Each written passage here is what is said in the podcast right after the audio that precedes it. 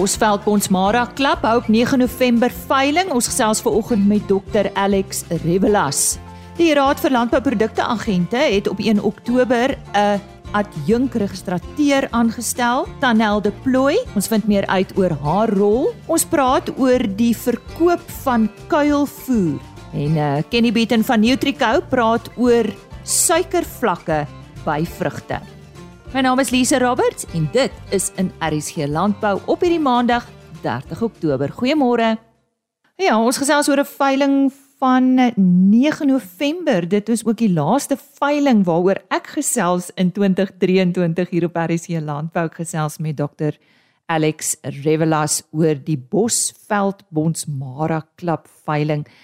Alex, goeiemôre. Vertel ons nou eers wie is die Bosveld Bonsmara Klub? Môre Lisa, man, uh, dit is basies ehm, 'n um, groep uh, Bonsmara teelers waarvan ons 5 aktiewe stoeteelers is en so vyf kommersiële teelers uh wat almal in die Limpopo Bosveld area boer uh tipies op Hartwaterveld en dan hou ons elke jaar 'n veiling hier in November. So ehm um, die veiling is die 9de November soos jy genoem het.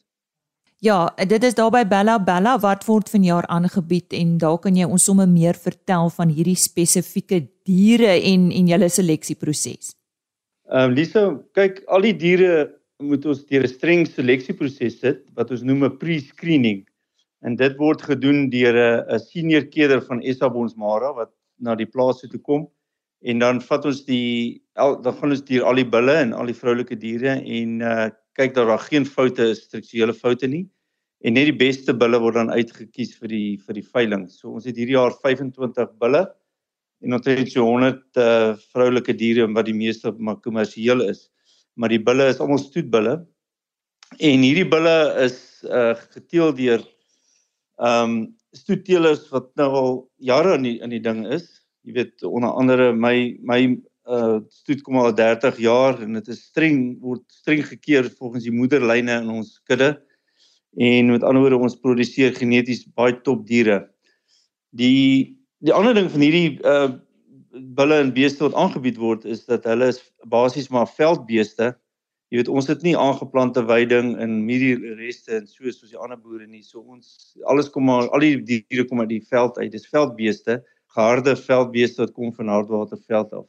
'n Ander interessante ding is dat ehm um, ons ons toets al ons bulle op die veiling vir die myostatin geen want uh, dis nou 'n nuwe ding maar ons het gevind dat uh, die ehm um, die bulle wat baie bespierd is en die geen dra uh hulle uh veroorsaak meer kalfprobleme. So ons het baie bulle wat dan nie die geen dra nie en dan ideaal is vir verse. Jy weet uh wat mense dan kan kom koop op die veiling as jy 'n bul wil koop wat jy op jou verse wil gebruik. Alex, soos ek gesê het, die veiling word op Bella Bella aangebied presies waar uh, wie bied dit vir julle aan en natuurlik uh, vir meer inligting wie kan voornemende kopers skakel.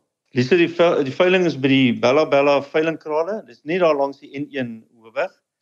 En ehm um, Vleis Sentraal bied dit aan en hulle kan vir Karl Chalmers kontak vir meer inligting by 082 896 9586.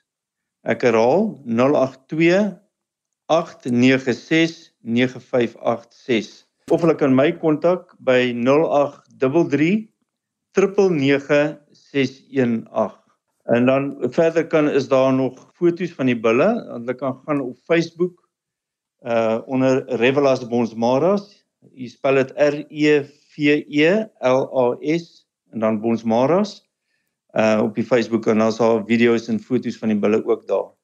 Ons het dag selfs met Dr Alex Revelas oor die Bosveld Bonsmara Klub veiling van 9 November by die Bella Bella veilingskrale aangebied deur Vleis Sentraal Bosveld en kom ek herhaal Karel Chames se telefoonnommer 082 896 9586 Tanel de Plooi is op 1 Oktober aangestel as APAC of die Raad vir Landbouprodukte Agente se adjunk registrateur. Tanel, voor ons oor jou landboupad gesels en hierdie nuwe aanstelling. Verduidelik presies vir ons wat is die rol van IPAC? Goeiemôre Lise, dit is regtig um lekker om vanoggend met jou te kan gesels. Dit is belangrik om te onthou dat IPAC 'n statutêre entiteit is. Ons dryf handel in terme van Wet 12 van 1992 uh en ons kry ons mandaat dan nou by die minister van landbou. So ons primêre rol en objektief in terme van die wet is om 'n om die beroep van 'n agent wees te bevorder. Ons uh reguleer 3 tipes agente. Dit is ons varsprodukte agente, ons uitvoeragente van varsprodukte en dan lewende hawe agente. En so probeer ons 'n etiese omgewing te skep om te verseker dat dat die produsent beskerm word maar ook die die agent. Ons is saam met jou opgewonde oor jou aanstelling as die nuwe adjunk registrateur van Uitpack. Vertel ons van jouself en die pad wat jy geloop het tot by Uitpack. Ek uh, dink dit is belangrik om te sê dat ek groot geword het op 'n plaas in die Vrystaat. Ehm um, my pa boer nog steeds vandag daar. So die plaas is in my are. En ag my paadjie by Apex het maar begin. Ek het na matriek het ek rekeningkunde by ehm um, die Universiteit van Stellenbosch gaan studeer en na die afloop van my studies het ek my klerkskap by 'n audit firma Pretoria voltooi. En daarna het ek direk by Apex begin werk en die afgelope jare het ek gewerk tot in hierdie posisie. Um iPack skep vir my 'n ongelooflike platform waar ek my twee grootste passies, syfers en boerdery kan kombineer en ek is baie opgewonde vir dit wat voorlê. Nou jy is as 'n vrou aangestel in 'n baie verantwoordelike posisie in die landboubedryf. Vertel ons hoe jy jouself gaan posisioneer in die industrie en wat sien jy vir die toekoms? As iemand wat redelik jonk is en ek is nie in hierdie professionele landbouindustrie het ek vars akademiese kennis en nuwe idees wat ek na die tafel toe kan bring.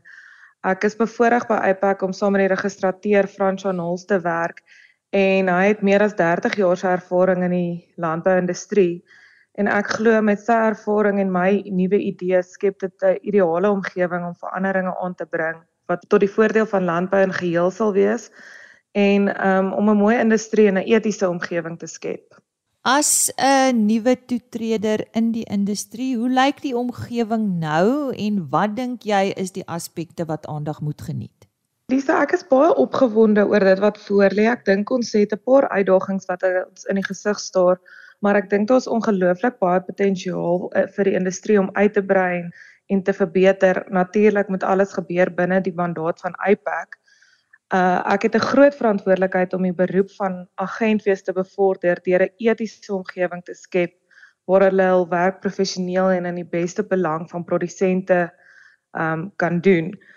'n Ander belangrike aspek is ook vir my en dit is iets wat ek persoonlik uh in glo is om noue verhoudings met alle rolspelers uh te bou en beter met mekaar te kommunikeer het sy dit in die varsprodukte industrie, lewende hawe of uitvoeragente sal wees. Die regulatoriese werk wat IPAC doen is is van kardinale belang. Vertel ons watter rol jy gaan speel om dit te verbeter? Ek het groot geword in 'n familieboerdery en ek besef werklik watter waarde agente tot produsente se welvaart toevoeg en ook watter uitdagings produsente vandag in die gesig staar. Produsente vertrou hulle agente met hulle lewensbestaan en daarom is dit so belangrik om vanuit die IPA kantoor 'n etiese omgewing te skep waarbinne agente moet optree. Ongelukkig beteken dit baie keer dat IPAC agente wat nie binne die reëls bly nie, uh oor die vingers moet tik, het sy dit met 'n dissiplinêre tribunaal sal wees. Maar as IPAC en as die nuwe adjunk geregistreer moet ek twee keer so hard werk om te verseker dat ons ons agente toerus met die nodige kennis en ondersteuning om hulle werk binne die raamwerk van die wet te doen en sodoende 'n volhoubare landbou omgewing te skep. En so gesels Danel de Plooi wat vanaf 1 Oktober amptelik die adjunk geregistreer is van die Raad vir Landbouprodukte Agente of IPAC.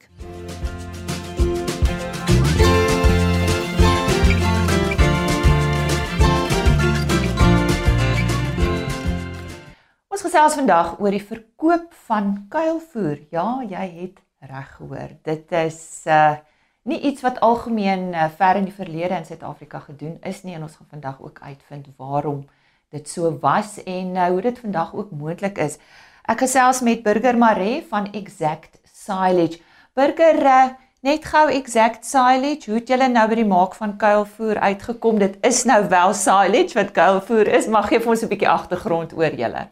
Hierso ons het uh uh vir baie jare vir ons voerkraal by Kameeldrift voerkrale kuilvoer geproduseer in groot volumes. Uh kuilvoer maak soos elke boer maar sal weet is maar 'n uitdaging.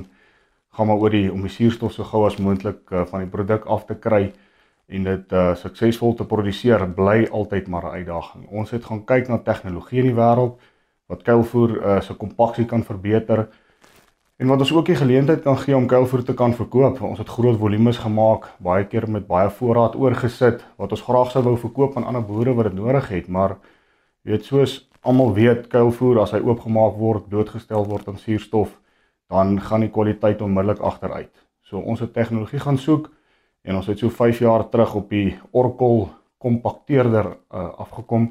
Uh, hulle is oorspronklik van hulle is van Noorwe en het uh, vir baie jare in die baal tegnologie uh betrokke gewees en toe nou later in 2001 uh, het hulle net gekonsentreer op die kompakteerders wat dan 'n uh, 'n baalvorm maak in die in die in die kuilvoer en ehm um, en dan baie goed kompakteer en baie suksesvol dan verpak om vir ons die geleentheid te gee om te kan verkoop ook. Nou jy sê 5 jaar gelede maar jy verwys na Noorwe. So so die res van die wêreld uh gebruik dit al baie lank. Doen dit ja, al baie lank. Korrek. Ek dink in in Europa is die is die baal tegnologie al so so 20 jaar beskikbaar. Um en en omdat hulle somers baie kort is veral in die noordelike dele van Europa het hulle baie kort somers en moet hulle baie effektief kuilvoer maak en ek dink dit het maar daar begin oor daardie rede omdat dit nog 'n groter uitdaging daar is om om voer te produseer. Maar hoekom het ons so lank gevat om daarmee te begin in Suid-Afrika? Ek bedoel, was die behoefte net nooit daar nie? Ja, ek dink die behoefte was altyd daar gewees. Ek dink eh, eh, soos dit maar is is is mense miskien skrikkerig vir verandering en en die die die die tempo van kuilvoer maak op in in groot volumes is maar altyd 'n uitdaging.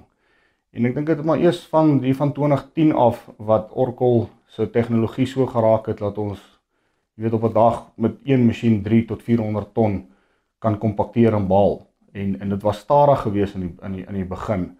En die tegnologie het maar verbeter. En ek ek dink in Suid-Afrika het die veral met die met die met die droogtes in Suider-Afrika en die omgewing waar ons sit in die klimaat wat a, wat 'n groot uitdaging is in in droë jare en was daar nog altyd die behoefte gewees. Ek dink daar was nog net nooit regtig gefokus daarop nie. Hoekom sal 'n boer nou nie vir homself kuilvoer maak? Ek dink jou klein en medium grootte boere uh, dis duur om kuilvoer te maak. Die masjinerie is duur.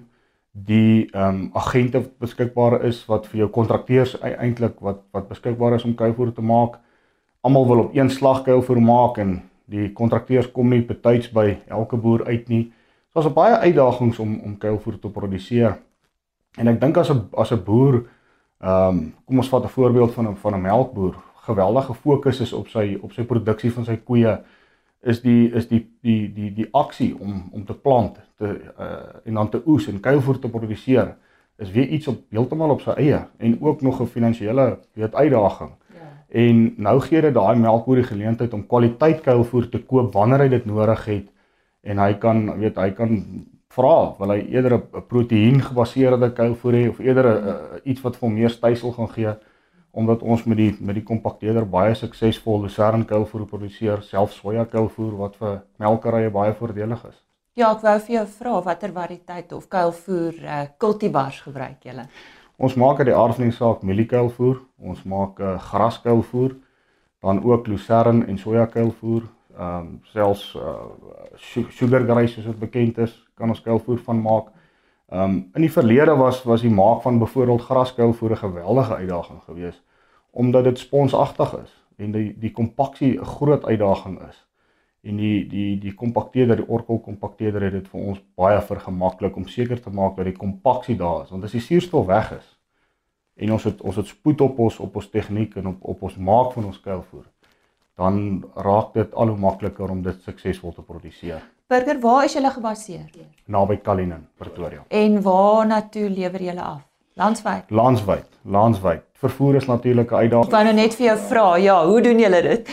Ja, nee, ons ons ons ons laai maar uh, uh pad pad vervoer en ehm um, dit hang maar af waar die boere geleë is en en wat die uh, vervoer komponent gaan wees wees op dit uit die aard van die saak is kuilvoer 'n uh, 'n produk wat redelik hoog in in in in in uh water is. Hy daar's maar 'n groot uh komponent daarvan. So ou moet seker maak dat die gelewerde prys van jou produk vergelykbaar is op 'n droommateriaal basis teenoor kom ons sê nou maar graan soos mielies of tradisionele droë gras. So ons probeer altyd om 'n vergelykende prys vir 'n boer te gee asof hy nou sou 'n droommateriaal produk aflewer op sy plaas. Burger Mare, direkteur van Exact Silage wat vandag met ons gesels het oor die verkoop van kuilvoer. Besoek hul webtuiste www.exactsilage.co.za. Kenny Beaton is die bemarkingsverteenwoordiger vir Nutrico. En uh, ons gesels vandag met hom oor BRICS en die bydraende faktore wat BRICS beïnvloed in vars vrugte. Nou jy wonder dalk uh, wat is BRICS? Kom ons vind uit. Kenny, goeiemôre. Waarna verwys ons as ons van BRICS praat in vars vrugte? Goeiemôre Lisa en al die luisteraars op RSG Landbou. Baie dankie vir die geleentheid om 'n bietjie weer met julle te kan gesels. Ehm um, Lisa net om jou eerste vraag te antwoord vanoggend. BRICS of ehm um, TSS Total Soluble Solid soos wat ons praat in die landbou en die wetenskap is eintlik 'n verwysing na die opgelo opgeloste suiker in 'n vrug. Ehm um, BRICS het die naam gekry na 'n Duitse professor Adolf Brix wie die hydrometer ontwikkel het in die mid 1800s om opgeloste vaste stowwe in die oplossing te kan meet. So BRICS verwys na 'n persentasie opgeloste vaste stowwe in 'n oplossing. So ons gebruik BRICS as 'n maatstaf om suikerpersentasie in verskeie bedrywe soos in die vars vrugte te meet sowel as soos in die wynbedryf of heuning en ensovoorts te meet. Maar BRICS kan ook 'n meting wees van verskeie minerale. Ehm um, en so ook in blare soms gebruik ons dit as 'n tegniek om die koolhidraatvlakke in die plant te meet um, om so die die die leaf sap te gebruik om die BRICS te bepaal. Ek moet dan vir die luisteraars sê hierdie BRICS is met 'n X, dit het nou niks te doen met die BRICS lande waarna ons verwys nie, net ken nie. dit is baie waar. Nee, dit sy naam was Adolf Brix. Dit is 'n Duitser, so dis waar dit vandaan kom, ja. B R I X, baie interessant. Hoe word Brix of suikervlakke gemeet in vrugte? Man, uh, Brix word gemeet eintlik is baie eenvoudig. Dit word gemeet met 'n met 'n klein handapparaat wat jy saam met jou kan kan kan hou in jou voertuig of in die veld. Ehm um, dit is 'n refraktometer wat ons gebruik. Um en dit sal nou met met lig die gebruik van lig ligfraksie um die BRICS bepaal. So dit sal vir jou lesing gee van van van die suiker in die, in die sap, in die in die vloeistof wat jy daarop sit. So um in die boord kan 'n produsent maklik die BRICS van vrugte meet net om 'n paar druppels van die vrug sap uh op die refraktometer te plaas nadat die refraktometer gekalibreer is.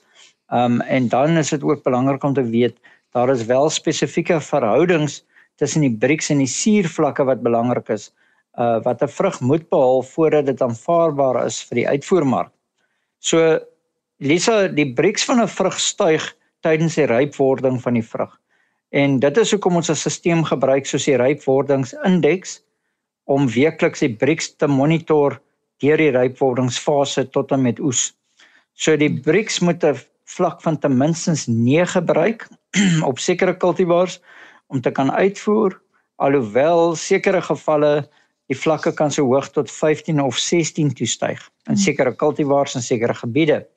So dit is ook belangrik om te te weet en in ag te neem as jy die metings doen dat die BRICS kan verskil hangende af van die posisie van die vrug in die boom. Ehm um, dit wil sê die skadukant en die sonkant of bo in die boom of onder in die boom kan die BRICS lesings verskil van mekaar. So hoe speel klimaat 'n bydraende rol in BRICS vlakke? Ja, Lisa, weet jy, dis 'n baie belangrike vraag daai weer eens. Ehm um, en die, en weer eens daar's 'n klomp faktore wat 'n rol speel en klimaat is net een van hulle. Uh om dit eenvoudig, Produksieareas met 'n koeler nagtemperature is geneig om vrugte met laer suiker en hoër suurinhoud te vorm, terwyl areas met warmer nagtemperature is dit die teenoorgestelde en kan lei na hoër Brix-vlakke of suikervlakke en laer suurvlakke in die vrugte. En die rede hiervoor is eintlik van selfsprekend omdat tydens die periodes van koeler nagtemperature beweeg die suikers wat in die blare gestoor is al hoe stadiger na die vrugte toe. Reënval en besproeiing net voor oes kan ook 'n groot effek hê op Brix van die vrugte waar reënval uh net voor oes kan lei na die daling in die Brix-vlakke. So Lisa, ja, dit is algemene praktyk om besproeiing te onttrek vir 'n periode in sitrusbome. En dis veral in die somerreënvalstreke soos in Letsiteli daar bo in die noorde om sodoende die boom onder 'n kunsmatige plantstres te plaas vir oes en dit sal outomaties die brieks opstoot. Maar dit is ongelukkig nie altyd 'n opsie vir die ouens in die suidelike winterreënvalareas nie waar dit reën tydens die rypwordingsfase en oes nie. Kenny, ek leer nou baie vanoggend. Hoe speel plantvoeding 'n rol in Brix van vrugte en watter elemente speel die belangrikste rol in verbetering? Ja, Lisa, weet jy, ehm um, weer eens speel plantvoeding 'n belangrike rol hier. En so ook die positiewe rol wat seweer-ekstrakte en biostimulante kan hê op die opname van elemente binne in 'n plantvoedingsprogram. So stikstof obviously uh, speel 'n belangrike rol solank die nitraatvlakke nie buitensporig hoog is nie wat kan lei tot laer Brix-vlakke. Maar daar speel egter 'n belangrike rol van verskeie mikroelemente. Um en hulle sal wees mangaan, sink, koper, boor en yster wat 'n kardinale rol speel tot die vorming van Brix in vrugte. Lise, dit is hoekom blaarvoedingsprogramme in die landbou nog steeds 'n baie belangrike rol speel. Um en dit is belangrik om te onthou soos wat ons voorheen al gesels het dat die die suikers word eintlik gestoor in die vorm van koolhidrate in die wortels. Um die koolhidrate word omgeskakel na suikers toe. Hulle word vervoer dan na die blare toe en van die blare na die vrugte toe. So um ja, die elemente se voeding moet akkuraat toegedien word en in balans gehou word. En ons weet by enige vrug of uh, of plantgewas is daar verskeie kultivars. So gesels met ons oor die verskil in vruggehalte in verskillende kultivars en onderstamme. Ja, weet jy Lisa, ehm um, die wêreld van vrugteproduksie het oor die afgelope paar dekades baie verander ten opsig van wat aan ons produsente beskikbaar is. En so met elke bedryf raak die opsies en beloftes van wat is die beste omtrent eindeloos vir ons produsente. Sitrusonderstamme en beskikbare kultivar opsies moet aangeneem word volgens die plaas se grondtipe en die klimatiese area. So dis 'n baie spesifieke kombinasie wat gaan toegepas word of geplant word en gekweek word op daai plaas op daai grond in daai klimaat. Weens die genetiese eienskappe van die verskillende onderstamme en kultivars wat verskil van mekaar. So dit om dit te sê kultivars word deesdae gekweek om die hoogste vrugkwaliteit in tonne maat per hektaar te produseer. So dis die dis die kern fokus saam met goed so siektebeheer of siekteweerstand um in die in die kweek van van nuwe kultivars. So byvoorbeeld die nuwe laatmandaryn kultivars soos die Tangos en sovoorts wat jy sien op die mark um is gekweek vir baie hoë Brix vlakke en goeie balans met hulle suurverhoudings. En dan Lisa, 'n vrug met hoër Brix gaan nie net beter smaak nie, hy gaan nie net soeter wees nie, uh, maar hy gaan ook baie beter rakhou vermoë hê, so hy gaan beter wees vir verskeping en vir die uitvoermark. En dan sal jy ook agtergekom 'n vrug wat swaarder weeg het hoër Brix. So die twee loop saam. So suiker is swaar, so jy sal altyd sien 'n swaarder vrug um het 'n hoër Brix. En so in enige plant of gewas 'n plant met hoër Brix gaan beter plantweerstand hê teen siektes en plaae En dan in retrospek, ek dink ons kan sê met veiligheid ons boer met suiker. Maar ongeag die gewas waarmee ons besig is, ons boer met suiker. En vir meer inligting oor hierdie onderwerp, gesels gerus met Nutrico www.nutrico.co.za. Daardie Nutrico is met 'n C en uh, ons het vandag gesels met Kenny Beaton, bemarkingsverteenwoordiger by Nutrico. En dis dan vir oggend se program. Totsiens. RSG Landbou is 'n plaas media produksie met regisseur en aanbieder Lize Roberts en tegniese ondersteuning deur Jolandi Rooi.